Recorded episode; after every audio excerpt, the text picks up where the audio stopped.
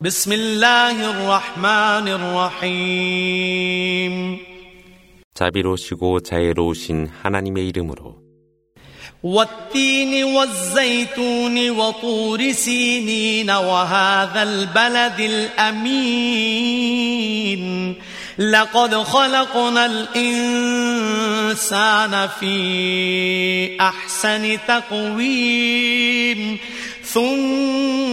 رددناه أسفل سافلين إلا الذين آمنوا وعملوا الصالحات فلهم أجر غير ممنون فما يكذبك بعد بالدين أليس الله بأحكم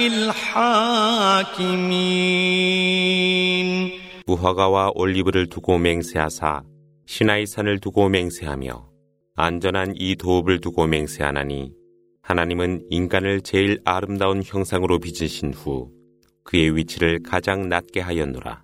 그러나 믿음으로 선을 행하는 의로운 자들은 제외되어 그들에게는 끊임없는 보상이 있노라.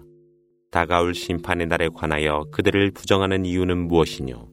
가장 훌륭한 심판자는 하나님이 아니더뇨.